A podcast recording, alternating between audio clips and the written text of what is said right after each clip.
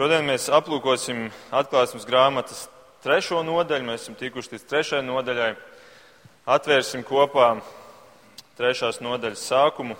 Es ticu, ka jums ir bībeles līdzi. Un um, prieks, ka mēs kļūstam par arvien vairāk par draudzi, kuri ņem līdzi savus bībeles un lasa līdzi. Prieks to redzēt. Un tā nu izlasīsim, ko Gars saka Sārdas draudzē. Un Sārdas draudzes eņģelim raksti. Tā saka tas, kam ir septiņi dieva gari un septiņas zvaigznes. Es zinu tavus darbus, jo tev ir vārds, it kā tu būtu dzīvs, bet tu esi miris. Mosties un stiprini to, kas vēl nav miris, jo es neatradu tavus darbus pilnīgus Dievu priekšā. Atceries, ka tu esi saņēmis un uzklausījis mācību, un tad nu turi to un atgriezies. Ja tu nebūsi nomodā, es nākšu kā zaglis, un tu nezināsi, kurā stundā es nākšu pie tevis. Bet sardās tev ir daži, kas nav aptraipījuši savas drēbes un tie staigās ar mani, tērpušies baltā, tādēļ, ka viņi ir tā cienīgi. Kas uzvarēs, tiks ietērpts baltās drēbēs, un viņa vārdu es nekad neizdzēsīšu no dzīvības grāmatas. Es atzīšu viņa vārdu mana tēva un viņa eņģeļu priekšā. Kam ausis, lai dzird, ko gars saka draudzēm.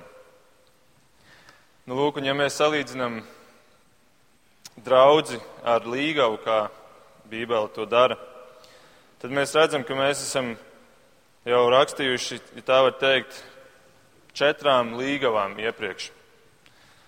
Un te nav runa par, par to, ka Kristum būtu vairākas līgavas. Kristum ir viena līgava, bet ja mēs ņemam katru no šīm iepriekšējām draudzēm, tad mēs redzam, ka Efesas draudze bija tā līgava, kurai bija pārgājusi mīlestība. Viņa bija sadarinājusies ar Kristu, bet Mīlestības viņai vairs nebija. Smirnas draudzene bija tā, kas bija uzticīga Kristum. Pat tad, kad bija jācieš, viņi tomēr palika pie Kristus. Pergams draudzene bija tā, kura flirtēja ar pasauli, ar citiem. Tietīrs draudzene bija tā, kas dzīvoja grēkā, un viņi nebija gatavi atkāpties no savu grēku, nelaist to vaļā. Bet tagad mēs esam nonākuši pie draudzes, kura ja tā var teikt, ir pati briesmīgākā. Pati briesmīgākā vēstule, jo izrādās šī līgava ir mirusi. Un mēs varētu teikt, ka ir varbūt pat bezjēdzīgi rakstīt vēstuli mironim, bet, bet kā mēs redzam, ka tomēr ir kāda cerība, jo Kristus ir dzīvības kungs. Un, un to mēģināsim šodien saprast, ko tas arī nozīmē mums kā kristiešiem un mums kā vīlans draudzē. Lūksim Dievu vēl. Mīļais debes Tēvs, lūdzu, runā caur savu vārdu šodien. Tavs vārds ir patiesība. Un palīdz, ka šī patiesība varētu darīt mūs brīvus, varētu darīt mūs dzīvus. Svētī mūs to. To mēs lūdzam Jēzus vārdā. Amen. 1200 gadus pirms Kristus Hetītu impērijā radās kāda ķēniņa valsts, un viņi bija Viņai nosaukums bija Līdija. Un tā bija tā pati Mazāzijas teritorija, kurā ir šīs septiņas draudzes, kurām mēs rakstam. Un šajā Līdijas ķēniņa valstī bija galvaspilsēta, kurai nosaukums bija Sardus, jeb Sarda. Tā, par kuru mēs šodien runāsim. Un Sārdiem bija trīs pazīmes šai pilsētai. Pirmkārt, viņi bija ļoti bagāti. Jo Līdijā, kā pirmajā pasaulē, patiesībā varētu pat teikt, vismaz tā raksta vēsturnieki, pirmajā tika radītas naudas monētas. Tā bija pirmā valsts, kurā tika radītas monētas naudas apmaiņai. Tas bija 7. gadsimtā pirms Kristus, un, piemēram, Izraels tikai apmēram vienu gadsimtu vēlāk sāka lietot monētas kā naudas līdzekli.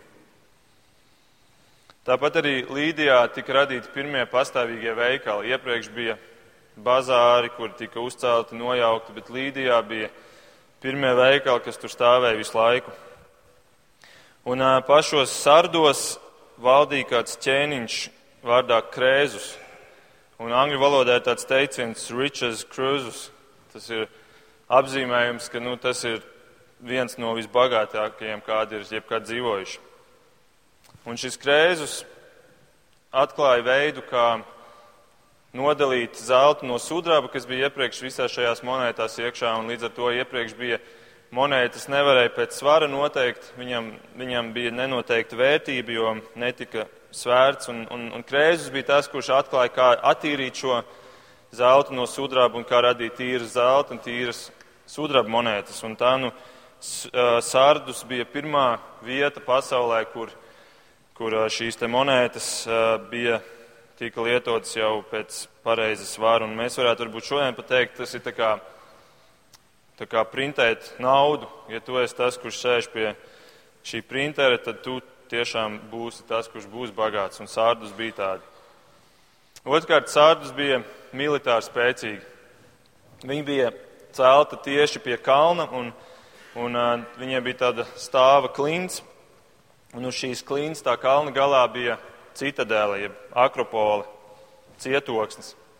Un tas bija ļoti labi apsargāts, un tādēļ neviens viņu nespēja ieņemt. Vienīgais, ka viena puse, tur, kur bija tā stāvā siena, tur neviens to pusi nesargāja, jo bija skaidrs, ka pa turien tāpat neviens nevar tikt klāt. Bet tieši to izmantoja persieši lielā kīra vadībā, kad uh, sārdus jūtās droši ar visu to, kas viņiem ir, un, un tad viņi um, pakluso pielavījās un kareivi ar rokām uzrāpās augšā pa šo sienu un ieņēma šo pilsētu 5. gadsimtā, 6. gadsimtā pirms Kristus. Un,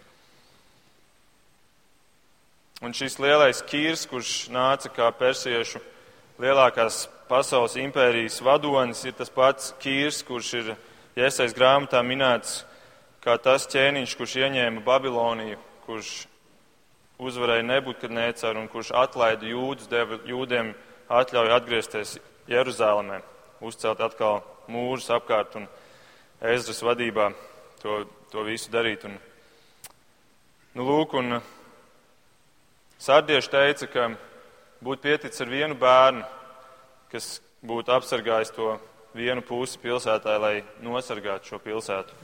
Bet viņi jutās tik droši, ka viņi to pieļāva, un pāris gadsimts vēlāk, kad nāca Roma, tad atkārtojas tieši tas pats scenārijs. Tātad viņi bija bagāti, viņi bija militāri spēcīgi, un trešais viņi bija reliģisks līderis šajā reģionā. Viņiem bija Artemīdas templis, līdzīgi kā Efesā. Efesā gan bija lielais.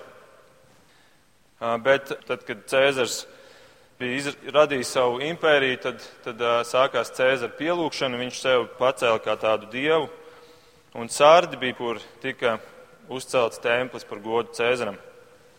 Bet tas bija tikai viens no tempļiem. Otrs būtiskais templis bija Līvijai.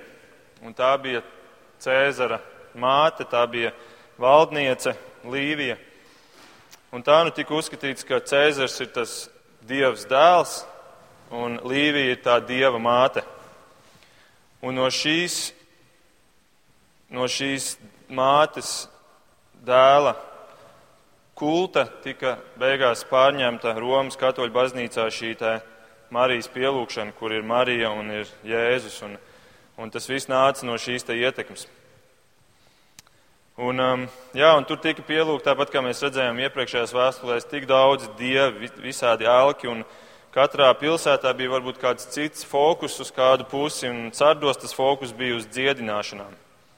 Fokusā, fokus sardos bija uz to, ka šie dievi nāk un dziedina. Un trīs kilometrus ārpus sārdu robežas bija tādi karstie avoti, uz kuriem gāja šie cilvēki, un viņi uzskatīja, ka ja viņi tur ies, tad viņi tiks dziedināti. Un savā ziņā tas ir tāda ironija, ka turpat ir draudzi, kurai vajadzētu būt dievu spēkam, bet kur ir mirusi.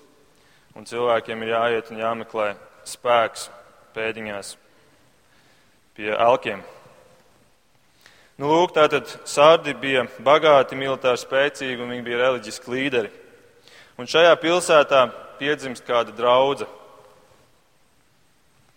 Kā viņi piedzimta, to mēs nezinām, bet mēs redzam, ka apstuļu darbos 19, tad, kad Pāvils ir Efesā, tad desmitajā pantā ir teikts, ka Pāvils sludināja kādā skolā, un tas turpinājās divus gadus, tā ka visi Āzijas provinces iedzīvotāji dzirdēja kunga vārdu.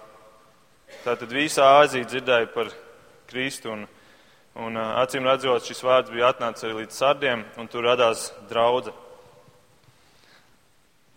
Nu, lūk, un ja mēs pieņemam, ka šie eņģeļi, kam Kristus raksta, ka tie bija vēstneši, ko arī tas grieķu vārds nozīmē, Tad Pātmas salā viņi saņēma šīs septiņas vēstules, un tad viņi iespējams devās pa šo pasta maršrutu, kas gāja gar visām šīm pilsētām, un pa vienai atstāja vēstuli. Ieradās pil, vienā draudzē, nolasīja to draudzes priekšā, un tad devās atlikušie tālāk. Un tā nu trīs atlikušie vēstneši draudzes pārstāvi dodas, un 50 km no Tietīras uz dienvidiem viņi nonāk Sardos. Un sārdi ir kā tāds skatu tornis tajā ielā ar savu lielo to klinti. Un tad nu, viņi iespējams kopīgi arī nolasīja šo vēstuli draudzes priekšā. Un, un, kā jums liekas, kāda varēja būt tā reakcija, kad tev kā draudzē pasaka, ka jā, tev ir vārds, bet patiesībā tu esi mirusi. Un to nesaka kāds cilvēks, kurš no malas subjektīvi vērtē, bet to saka tas, kurš zina visu, kurš ir šīs draudzes patiesais dibinātājs. Un tā ir traģiska vēsts, jo pēc definīcijas draudzē vajadzētu būt tai vietai, kurā dzīvo Dievs. Un ja mēs atceramies Smirnas draugu, kas bija otrā draudzene, tad iespējams šie, šie vēstneši, viņi, viņi arī to atcerējās, ka paskatieties, kā bija Smirnā. Smirna tika nogalināta, un tomēr tā bija dzīva. Bet šeit ir draudzi, kas it kā izskatās dzīva, bet patiesībā ir mirusi. Tieši pretējais. Labi, tad paskatāmies pirmo pāntu, kas tur ir teikts. Tev ir vārds, it kā tu būtu dzīves, bet tu esi miris. Tas ir tā, it kā, it kā tev būtu reputācija, ka tu esi draudze, tu esi tas, kas, ko, par ko tu sev pasniedz, par ko tu runā, bet tev nav nekāda spēka tavs spēks ir izgājis. Un par zvaigznēm saka tā, ka viņas nomirst, viņas izdziest, bet viņas ir tik tālu prom, ka vidēji mūsu galaktikā, kamēr tā gaisma atnāk no tās zvaigznes līdz mums, paiet vidēji 43 gadi. Līdz ar to daļu no tām zvaigznēm, kuras mēs redzam pie debesīm naktī, viņas jau sen ir mirušas, gadiem ilgi mirušas. Un mēs vienkārši redzam to gaismu, jo viņi vēl ceļo līdz mums. Un, un tas varbūt ir kaut kas līdzīgs, kā bija šajā sārdus draudzē, kur kādreiz tev bija spēks, kādreiz tu spīdēji. Tev gaisma vēl ir redzama, bet, bet patiesībā tavs spēks ir izgājis. Labi, mēs redzam vēl pirmajā pantā, ka Kristus pasniedz sev, ka viņš ir tas, kuram ir septiņi dieva gari un septiņas zvaigznes. Un, ja jūs esat pamanījuši, tad katrā šajā vēstulē viņš sevi kaut kādā veidā apraksta, un gandrīz visi no šiem aprakstiem ir jau pieminēti pirmajā nodaļā. Un līdz ar to mēs varam teikt, ka viņam, ka tam, ko viņš izvēlās, ko, kā viņš sevi apzīmē, ka tam ir nozīme konkrētai draudzē. Un te mēs redzam, ka tie, kas ir tie septiņi gari. Tie nav septiņi dažādi gari, bet teologi saka, ka tās ir septiņas dieva svētā gara pazīmes. Iesaistīts 11. otrajā pantā ir uzskaitīts septiņas lietas par svēto garu, kas viņš ir. Un, eh, līdz ar to mēs varam teikt, ka tā ir tā svētā gara pilnība, tas, kas viņš ir kopumā. Savukārt septiņas zvaigznes mēs jau redzējām, tie ir tie septiņi draudzes vadītāji. Un līdz ar to mēs varam teikt, ka Kristus šeit liek uzsvaru uz to, ka tev pietrūkst dieva gara un tev pietrūks dzīvi vadītāji tavā draudzē. Tās ir tās divas lietas, ar ko Dievs vada draugu, caur dzīvo garu un caur dzīviem vadītājiem. Un šīs abas lietas tu esi kaut kur pazaudējis, sārdus. Un rezultātā draudz ir pilna ar mirušiem, garīgi mirušiem cilvēkiem, kas ir neatgriezušies, kas ir neticīgi, joprojām turpina dzīvot grēkā. jo viņiem nav dieva dzīvības, viņi ir miruši. Un šis drauds, es ticu, ir arī tas lielākais drauds, kas mums šodien kā draudzē ir. Tas drauds ir tas, ka mēs sludinām tādu vēsti, kura laiž iekšā pasauli un liek justies viņai labi šeit, samierināties ar savu grēku, ka mēs spiežam tik ļoti uz misionālu draudzi, ka mēs atveram durvis tā, lai visi nāk un jūtās labi. Un tad šis dzīvesveids sāk pārņemt draudzes uzskatus. Ir svarīgi būt misionālam, bet uh, ir arī iespējams vārdus atvērt pārāk plaši. Nu, lūk, tad viņš saka, tev ir vārds, tev ir reputācija. Un Jēzus parasti sāk vēstules ar kaut ko labu, un šeit viņš saka, tev liekas, ka tas ir tas labais, kas tev ir, tev ir vārds, bet patiesībā tie ir meli, jo šis vārds ir, ir nepatiesa, tā nav tava patiesā, tos patiesais stāvoklis. Labi, tad jautājums, tas varbūt tas svarīgākais, ko tad nozīmē miris šajā gadījumā? Ko nozīmē, ka draudz ir mirusi? Un kādi saka, ka tas nozīmē, ka viņi ir vienkārši aizmigusi. Un mēs varam teikt, jā, tā, tā mēs varētu to arī skaidrot, bet tā nav pilnīgā, pilnīgais skaidrojums. Jo, ja es šeit nesaku, tev ir vārds, ka tu būtu nomodā, tev ir vārds, ka tu būtu dzīvs, bet tu esi miris. Tātad te ir runa par mirušu draugu un ko nozīmē būt mirušam. Mēs varam atvērt efiziešiem divi, atstājiet pirkstu atklāsmes grāmatas otrajā, trešajā nodaļā, bet atveriet ar mani efiziešiem divi, pirmo pantu. Efeziešiem 2. Pirmajā pantā arī jūs bijāt miruši savos pārkāpumos un grēkos Jūs bijat miruši savos pārkāpumos un grēkos. Un, ja jūs atceraties, ko mēs lasījām ievadā kolosiešiem 2, 13, tur bija teikts, ka grēkā, dzīvošana grēkā, ka tā ir tā garīgā nāve, no kuras Kristus tikai te var pamodināt. Tātad šeit mēs redzam šī draudze, kurā dzīvo, kura dzīvo ar grēku, kurā dzīvo neatdzimuši cilvēki, kuri, ja tā var pateikt, tēlo draudzi miruši cilvēki tēlo draudzi, miruši cilvēki vada draudzi, sludina draudzēm. Un ko te viņi sludināja šeit sardos, precīzi mēs to nezinām, bet acīm redzot, viņiem bija būtiski maldi, jo šī vēsts, ko viņi sludināja, nedarīja dzīvus cilvēkus. Iespējams, viņiem doktrīna par glābšanu bija nepareiza un, un tādēļ neradās dzīvība no tā sludinātā vārda. Grēks palika, spēka nebija. Un te mēs redzam, ka grēks nogalina draugu. Tas varbūt skan tā, ka nu, tas ir tik ļoti jau dzirdēts, bet patiesībā grēks ir tas, kas nogalina draugu. Nevis tas, ka cilvēki ir tur varbūt pārāk pasīvi vai tam līdzīgi, bet grēks ir tas, kas nogalina draugu. Grēks ir tas, kas nogalina Kristus līgavu. Un, uh, Te mēs sajūtam, kāda atbildība ir mums katram, kas esam daļa no draudzes. Tā nav tikai mana atbildība par manu dzīvi un sekas par ma manai dzīvei, ja es dzīvoju grēkā, bet tas nozīmē, ka es gremdēju visu draugu. Tādēļ arī Kristus tik daudz runā par to, ka pamāciet brāli, māsu, ja viņš dzīvo grēkā.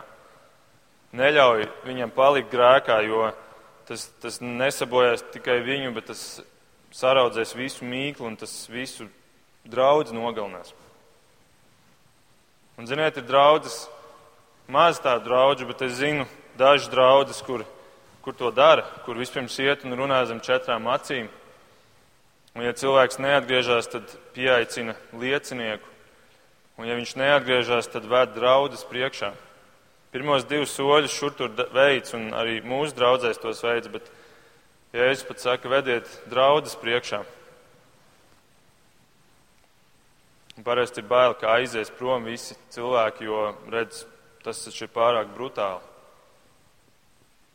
Bet izrādās, nē, šīs draudzes kļūst dzīves, jo viņas saprot, kādas ir grēka sekas. Bet mirušās mirušās ir tās, kurām ir svarīgāka forma, organizatoriskā puse, kurai svarīgāks ir vārds, reputācija. nevis dzīvība, kurš vairāk domā par to, kā mēs organizēsim savus kalpošanas, nevis kā mēs darīsim to, kas ir Jēzus plāns mūsu draudzē, kur vairāk domā par sociālo dzīvi, nevis glābšanu, vairāk runā par materiālo, nevis garīgo, un kuriem ir svarīgāka sava draudzes versija, nevis tā, ko Kristus pasniedz. Un tad tā draudze ir tāda, kas izskatās, ka viņa darbojās, bet viņai kaut kas pietrūkst. Paskatieties otro pantu atklāsmes grāmatā atpakaļ. Viņš saka, es neatradu tavus darbus pilnīgus Dievu priekšā. Es neatradu tavus darbus pilnīgus Dievu priekšā. Tu visu laiku kaut ko dari, tu izskaties labi, tev ir vārds, ka tu esi kristīga draudze, bet tu nekad neaizsniedz to mērķi, kādēļ vispār tu esi šeit. Un atcerieties, pirms pāris nedēļām, divām vai trim, mums ievadā bija lasījums no 2. Timoteja 3, kur bija teikts par kādiem cilvēkiem, kuri draudzē, un par viņiem teikts, tie ir tādi, kas vienmēr mācās, bet nekad nenonāk pie patiesības. Visu laiku ir draudzē, visu laiku mācās, bet nenonāk pie patiesības. Un tad nākamajā pantā tur bija teikts, tāpat kā Janne un Jambre pretojās mūzumu. Un jūs zināt, kas ir Janne un Jambre? Tie ir um, jūdu tradīcija liecina, jo Bībelē tas nav pateikts, bet jūdu tradīcija liecina, ka tie bija fāraoni divi galvenie burvji, kuri stājās pretī Mūzum un Āronam. Un tad, kad, tad, kad Ārons un Mūzes nomet šos pieķi un tas kļūst par čūsku, arī viņi to pašu izdara. Un tad, kad viņi nokrāso ūdeni, ja pārveido par asinīm, arī viņi to spēja it kā panākt. Un tad, kad viņi vārdas rada, tad arī viņi to spēja izdarīt. Bet tad pārtrūks šī spēja, un visas pārējos sodības viņi vairs nespēja atkārtot. Un te mēs redzam, ka tā mācība ir, ka var izskatīties pareizi līdz tam, var izskatīties, ka tas ir tas īstais. Viņi to spēja, viņi dara pareizās lietas. Bet tomēr, ja tu turpinās līdz galam vērot, tu sapratīsi, ka tur trūks kaut kas, tur nav Viss līdz galam līdzīgi kā varbūt tā roka, kas rakstīja uz sienas mēne, mēne, tekelu upharsin, kas nozīmē skaitīt, skaitīja, svēra un dalīja. Tu esi svērts svaru kausā un esi izrādījies par vieglu.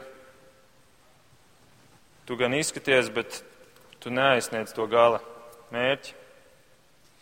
Un arī sārdi izrādījās par vieglu. Tavi darbi nav pilnīgi Dievu priekšā. Un tāds labs simbols ir Simpsons. Atcerieties Simpsonu, ja? Viņam tika dots spēks kā nevienam citam šajā pasaulē. Viņam bija vārds kāds nevienam citam, viņam bija reputācija Simpsons. Bet tad viņš ielaida grēku savā dzīvē. Un kas notika ar viņu? Par viņu teikts, Dievs viņu bija atstājis viņam nemanot. Dievs viņu bija atstājis viņam nemanot. Viņš pats pat nebija pamanījis, ka spēks ir izgājis kaut kur. Viņš bija joprojām tas pats lielais Simpsons ar to lielo vārdu, bet spēks bija izgājis. Viņš bija kļuvis vājš, viņš bija kļuvis akls, viņam izdūra acis. Viņš kļuva ienaidnieku sasaistīts, ieslodzīts, un beigās viņš nomira. Delīla kārdināja un Simpsons sekoja viņai. Un tāpat šeit mēs redzam, pasaule kārdināja un sārdi sekoja. Un tā nu spēks izgāja no sārdiem, sārdi kļuva vāji, akli, pasaule sasaistīta un beigās, kā Kristus sāka, miruši. Un kas tā ir par liecību, kad ir Kristus draudzi, kur ir mirusi? Un vai jūs pamanījāt, ka šeit nekas nav minēts par vajāšanām. Sardos nekas nav minēts par vajāšanām. Kādēļ? Tādēļ, ka nav iemesla vajāt viņus. Viņi ir miruši. Viņi tāpat neko nedara sliktu pasaulē. Vai jūs esat pamanījuši, ka tad, kad vajā kādus cilvēkus un tad, kad viņus nosit, tad viņus vairs nevajā? Tāpat bija ar sārdiem. Jo pasaule bija ielavījusies kā zaglis, un tāpēc arī Kristus iespējams trešajā pantā min šo, šo piemēru arī par sevi, ka es nākušu kā zaglis. Un arī tāpēc iespējams viņš to min tādēļ, ka viņi zināja, ko nozīmē, ka nāk zaglis un rāpjas augšā pa sienu, kur tu negaidi, pa mūri. Viņi to saprata savā kontekstā, savā kultūrā, tāpat kā mēs saprastu, ja mums teiktu, es nākušu kā plēsīgs lācis no austrumiem. Mēs to saprastu, to neko tas nozīmē. Labi, bet labā ziņa ir, ka ir tomēr cerība. Un to mēs redzam 4. pantā. Daži tomēr ir, daži tomēr ir, kuri nav aptraipījuši savus drēbes. Un te mēs redzam to vēlreiz to atsauc, atsauc uz to, ka tā, tā nāve ir, tur ir runa par šo grēku, jo tomēr daži ir, kuri nav miruši, kuri nav aptraipījuši savus drēbes. Daži. Bet ko nozīmē šis vārds daži? Tas nozīmē, ka vairākums tomēr bija miris. Un mēs redzam pat visas šīs svētdienas sērijas ietvaros, ka vairākums bija nogājis no ceļa. Tikai divas no septiņām draudzēm 60 gadus pēc Kristus nāves un aiziešanas, tikai 60 gadus vēlāk. Divas no septiņām draudzēm ir tādas, par kurām Kristus neko sliktu nevar pateikt. Pārējās piecas jau bija uz pašu iznīcināšanās ceļa ja viņas nemainītu to, ko Kristus viņiem pārmet. Un es domāju, ka šī tā bilde, kas mums arī jātur prātā, ka, lai, lai mums nebūtu vilšanās par to, kāda ir kristieši, kāda ir šī kristīgā pasaule, kāda ir, kādas ir draudzes un kāpēc viņas dara tik daudz nepareizas lietas. Jo es zinu cilvēkus, kuriem tā ir liela vilšanās. Bet Kristus un, un Bībele visu laiku par to runā. Kristus saka, maz ir to, kas iet pa šauriem vārtiem. Maz ir to. Daudz ir tie, kas iet pa platiem vārtiem, un tie nav pasaulīgie, mežonīgie noziedznieki, bet tie visi ir tie, kur domā, ka viņi iet uz debesīm. Un no šiem visiem daudzi iet pa plato ceļu, un tikai mazi iet pa šauro ceļu. Un atšķiriet ar mani romiešiem 11. Svarīgi rakstvieta. Romiešiem 11, 1 līdz 5. Tad es jautāju, vai Dievs savu tautu ir atstūmis? Nu, protams, nē. Jo arī es esmu izrēlietis, Abrahām pēcnācējs no Beņamīna cilts. Dievs nav atstūmis savu tautu, ko viņš jau iepriekš izredzējis. Vai tad jūs nezināt, ko raksti saka par Eliju, ka viņš žēlojas Dievam par Izrēlu? Kungs, tavus praviešus viņi ir nokāvuši, tavus altārus izpostījuši, un es esmu viens pats palicis un tie meklē pēc manas dvēseles. Bet kāda ir dievišķā atbilde viņiem? Es esmu sev paturējis septiņus tūkstošus vīru, kas savus ceļus nav locījuši bālam. Tā arī ir šajā laikā. Tā arī šajā laikā ir kāds atlikums, kas žēlastībā izredzēts. Un te viņš runā par Izrēlu, Bet mēs esam jaunais Izraels, un, un tāpat kā tad bija kāds atlikums, kurš tomēr bija patiesa, tāpat arī šodien tas ir. Un Jēsai 6, viņš Jēsai raksta par to, ka ir milzīgs liels koks, ko Dievs nocirtīs, un paliks tikai maza sakne, mazs celms. Un šis celms tomēr izrādīsies svēta sēkla. Nu, redziet, no visas šīs lielās redzamās draudzes, baznīcas pasaulē daļa ir tikai tā, kura, kura ir dzīva, kura ir patiesie. Un ja mēs, ja mēs to nesapratīsim, tad mēs, tad mēs dzīvosim ar vilšanos par to, ka draudze ir tāda, kādai tai nevajadzētu būt. Nu, redz, bet Kristus saka, sardos ir šie daži, šis atlikums. Un tieši caur viņiem ir vēl iespēja šai draudzēji atgriezties. Un te viņš saka piecas, piecas darbības, un mēs neiesim cauri tagad katrai, es vienkārši viņas uzskaitīšu. Viņš saka, mosties, stiprini, atceries, turi to un atgriezies. Viņš saka, pirmkārt, pamosties, pamosties no savu grēku matraču un sāc darīt kaut ko lietas labā. un tad stiprini tos draudzē, kuri vēl nav miruši, kuri vēl turās pie patiesības. Stiprini to, ka, to daļu draudzē, kas ir dzīva vēl. Un tad atceries, ko, kādu mācību tu esi saņēmis. Atgriezies pie Dieva vārda mācības un sludini to draudzē.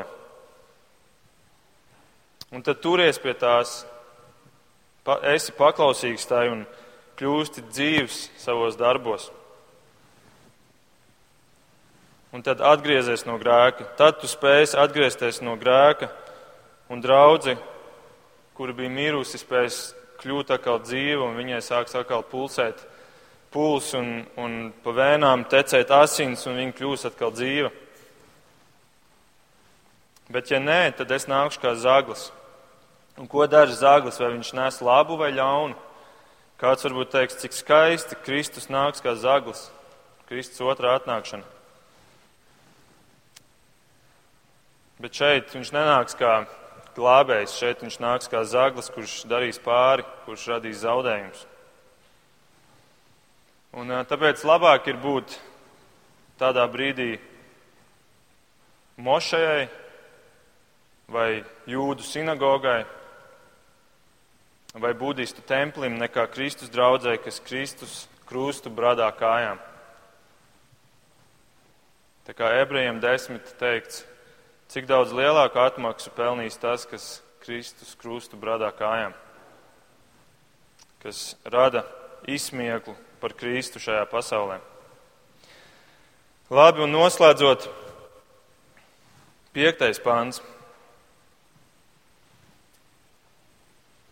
Kas uzvarēs, tiks ietēpts baltās drēbēs, un viņa vārdu es nekad neizdzēsīšu no dzīvības grāmatas.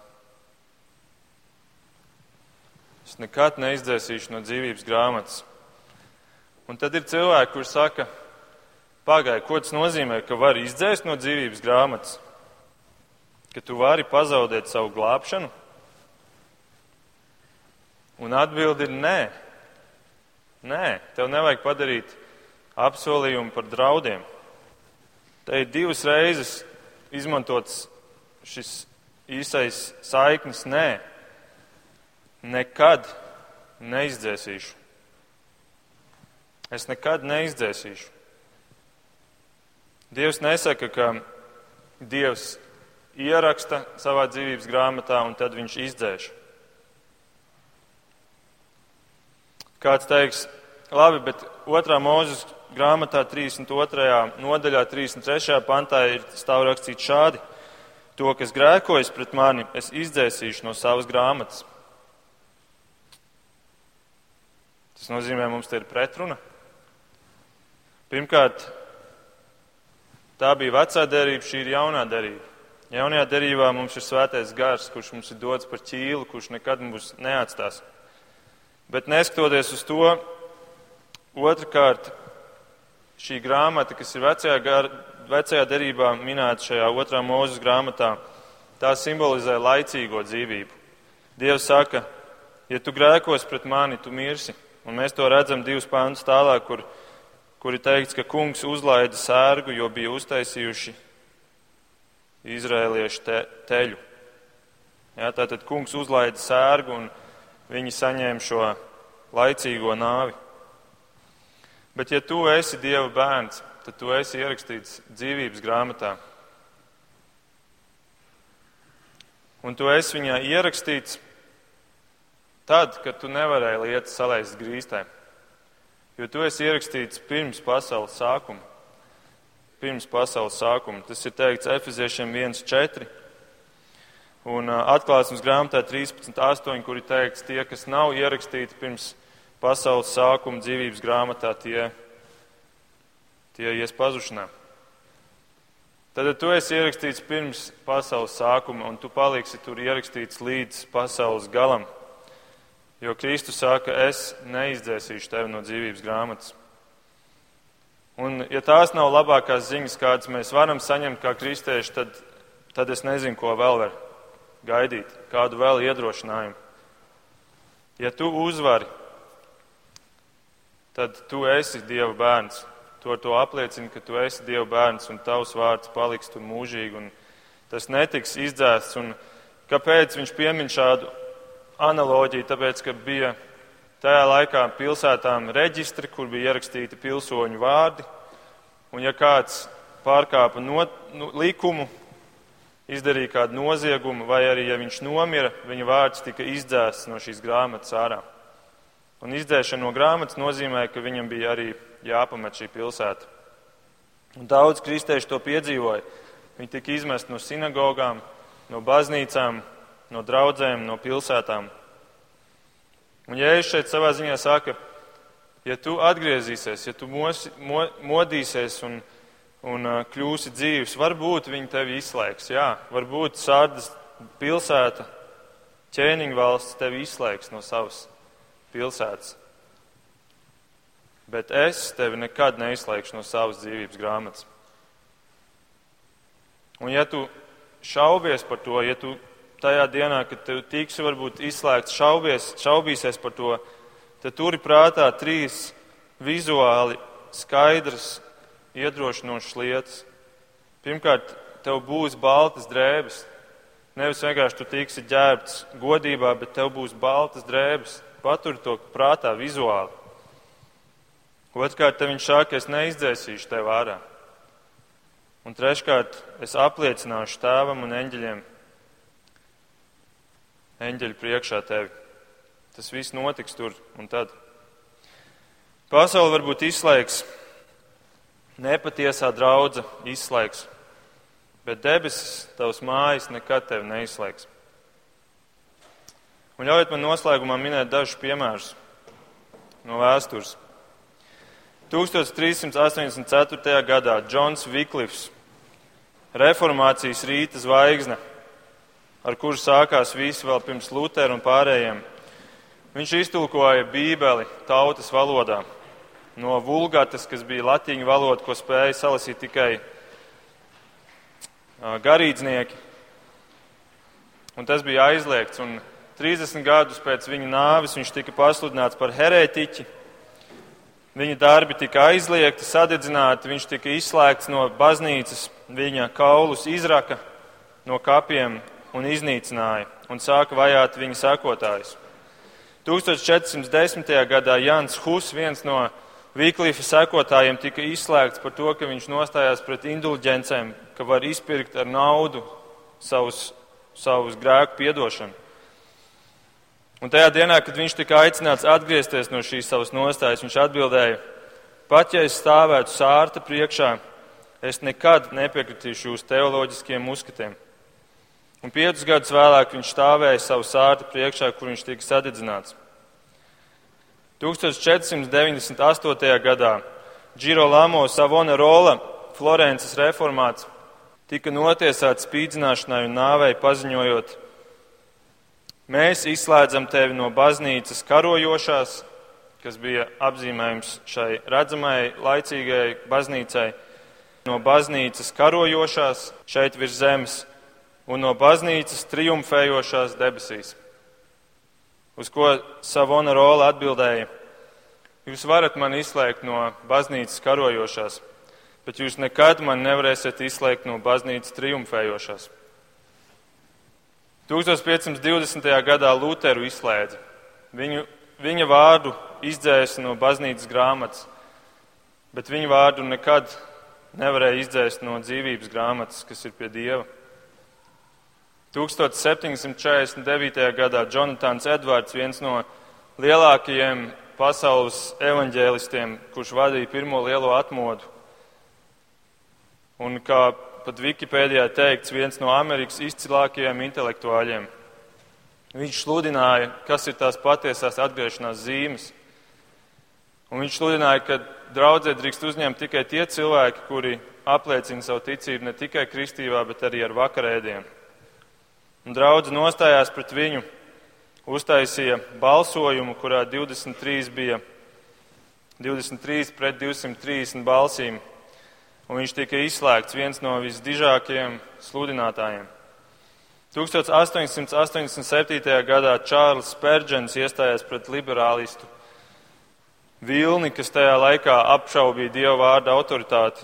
Un tajā laikā arī Darvins ar savu evolūcijas teoriju bija nācis klajā un, un kristieši sāk šaubīties par Dieva vārdu. Un viņš nostājās pret to un viņš uzrakstīja sešus punktus un izsūtīja tām universitātēm, kas vadīja visu šo vilni, kas skaitījās Kristīgas universitātes. Un, un viņas nereaģēja un viņš sasauca Baptistu Savienību, lai celtu šo jautājumu gaismā. Bet Baptistu Savienība viņu ignorēja un viņu pat izsmēja. Un tā nu šis lielais Čārlis Pērģens bija spiests pamest. Un tas sagrāva viņa veselību, un dažus gadus vēlāk viņš nomira. Un nepilnīgi simts gadus vēlāk, 1983. gadā, vienu mēnesi pēc manas dzimšanas dienas, arī manus vecākus izslēdza no kādas draudzes par kādu grēku, kas nebija kas nebija nekad noticis bez iepriekšējas aizrādīšanas zem četrām acīm ar diviem lieciniekiem, diviem vai trim, vai draudzes priekšā vadot, pat viņiem pašiem to nepaziņojot. Sešus mēnešus vēlāk viņi to uzzināja no trešās puses.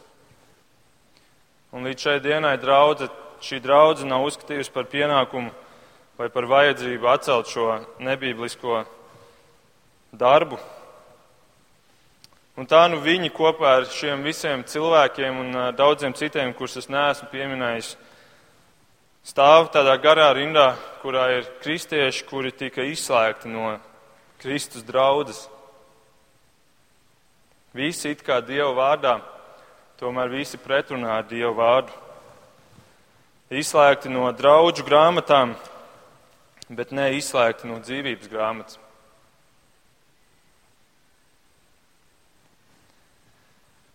Un labākais piemērs šiem visiem gadījumiem ir pats Jēzus. Viņu izslēdz no sinagogas, viņu pasludināja par herētiķi, viņu nosauca par zaimotāju, par grēcinieku, vislielāko no visiem. Viņu sodīja ar apkaunojošāko nāvis soda veidu, un tas viss tika darīts it kā Dieva vārdā bet pretrunā ar Dievu vārdu. Un tomēr tur pie krusta karājoties, ko viņš teica? Viņš teica, Tēvs, piedod viņiem. Tēvs, piedod viņiem, jo tie nezina, ko tie dara. Kādēļ viņi nezina? Tādēļ, ka viņi ir miruši. Tāpat kā šī sārdas draudzene, viņi ir tie mirušie, kuri ir Kristus draudzē, kuri izskatās pēc Kristus draudzes, bet viņi ir miruši. Jēzus piedeva šai baznīcai karojošai, jo tā ir pilna ar mirušiem cilvēkiem. Tāpat kā tā līdzība, ko Jēzus min par nezālēm. Viņi būs te blakus, būs tie patiesie, bet būs tik daudz nezāļu apkārt. Bet nāks diena, kad baznīcā būs vairs tikai dzīvo tikai svēto, tikai šķīsto, un tā būs baznīca triumfējošā. Un tajā nāves vairs nebūs. Un tajā mēs varam gaidīt to, ko, to pilnību, ko Kristus vēlās arī šeit, draudzē, bet tikai tur tā būs. Un tā nu mēs nezinām, kuri ir tie, kuri ir ierakstīti dzīvības grāmatā, jo mēs netiekam klāt šai grāmatai, mēs viņu nevaram atvērt. Bet mums ir dota grāmata, kurā mēs redzam, kādi ir šie cilvēki, kuri ir ierakstīti dzīvības grāmatā. Un vienu pazīmi mēs pavisam skaidri redzam. Šie cilvēki ir dzīvi. Šie cilvēki ir dzīvi un viņi dzīvo paklausībā Kristum. Viņi vēlās paklausīt Kristum, viņi vēlās būt brīvi no grēka. Un tad šeit pašā noslēgumā ir teikts, ka mausis, lai dzird. Ka mausis dzirdēt, lai dzird. Jautājums, vai tev ir ausis? Vai tev ir ausis dzirdēt šo vēsti? Ja tev ir, tad mosties arī tu, kas vēl guli varbūt. Mosties tu, kurš dzīvo šo dzīvi un, un tomēr ir miris.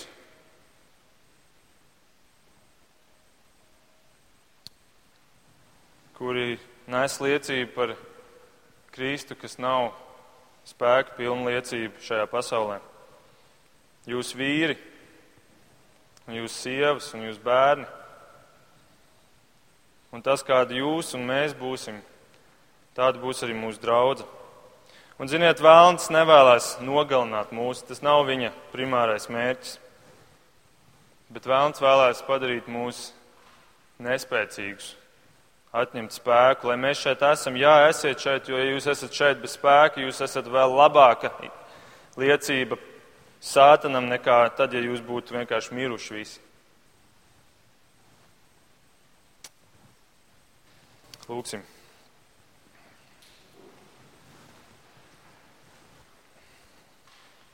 Mīļais debes Tēvs, paldies par Tavu vārdu. Šī ir pati briesmīgākā no visām vēstulēm. Šī ir draudze, kas ir mirusi. Šī ir draudze kā Simpsons, no kuras tu atstājies, un viņš pat to nepamanīja. Un, kungs, ir tik daudz draugu, kurās, kuras tu atstāji Jēzu, un viņas pat to nepamana. Viņas joprojām saucās draudzes, viņas joprojām runā par tevi un dara lietas, bet tu sen jau esi pametis. Kungs palīdz, ka mēs nebūtu tā draudz un ka mēs to, kāda, kā mēs izturamies pret grēku, pret to, kas ir tas vislielākais un galvenais drauds tavai draudzēji. Un, kungs, palīdz mums vēlēties mosties un stiprināt viens otru un, un ņemt un sludināt tavu vārdu. Un paldies, kungs, par šo draudzi, ka šī draudze ir arī atsaucīga tam. Un, ja tu rakstītu vēstuli mums, kungs, ka kaut mēs būtu draudzi, kura, kura būtu gatava pastāvēt un ciest arī par tevi. Palīdz mums augt uz to un palīdz mums būt uzmanīgiem. Un palīdz mums katram arī domāt par sevi, kāda ir mana ietekme draudzē. To mēs lūdzam Jēzus vārdā. Āmen.